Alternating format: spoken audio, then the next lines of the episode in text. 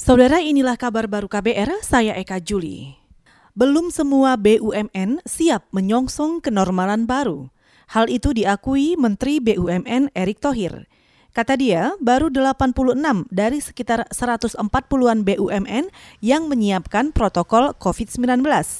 Erick Thohir berjanji akan memastikan seluruh perusahaan negara mematuhi panduan pemerintah jika nantinya diperbolehkan kembali beroperasi. Kita secara BUMN tetap melaksanakan tugas-tugasnya di tiga hal.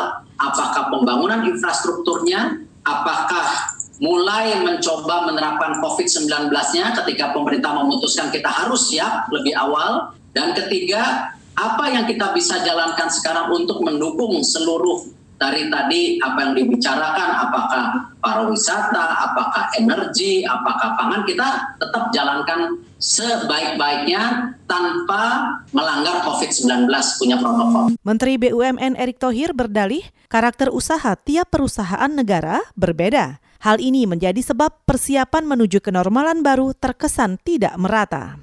Saudara Prancis mengumumkan rencana penyelamatan untuk industri mobil dengan dana sekitar 130 triliun rupiah. Usulan Presiden Emmanuel Macron mencakup 16 triliun untuk hibah agar warga membeli kendaraan listrik. Dana itu juga untuk mendorong investasi membuat Prancis menjadi pusat produksi kendaraan listrik.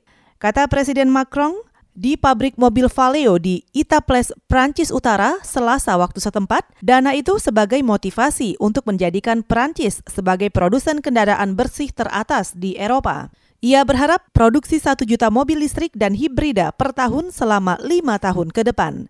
Rencana itu muncul ketika industri mobil tengah bersiap menghadapi ribuan PHK. Sebagai imbalan atas bantuan itu, dua produsen mobil utama Prancis, Renault dan PSA, berjanji untuk memfokuskan produksi di Prancis.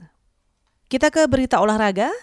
Bayern Munich makin kukuh di pucuk klasemen setelah memenangi Der Klassiker dengan skor 1-0 atas Borussia Dortmund dalam pertandingan lanjutan Liga Jerman, Selasa waktu setempat. Joshua Kimmich menjadi pahlawan bagi tim Bavaria. Ia menjebloskan golnya pada menit ke-43 untuk mengamankan kemenangan Bayern, sekaligus membawa mereka unggul 7 poin atas tim peringkat kedua Dortmund. Di pertandingan lain, Wolfsburg mampu bangkit setelah dikalahkan Dortmund empat hari yang lalu.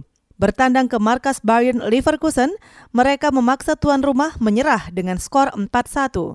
Namun kemenangan itu saat ini belum mampu mendongkrak posisi Wolfsburg di klasemen. Mereka tetap berada di peringkat ke-6. Demikian pula Leverkusen yang menghuni peringkat kelima. Saudara, demikian kabar baru. Saya Eka Juli.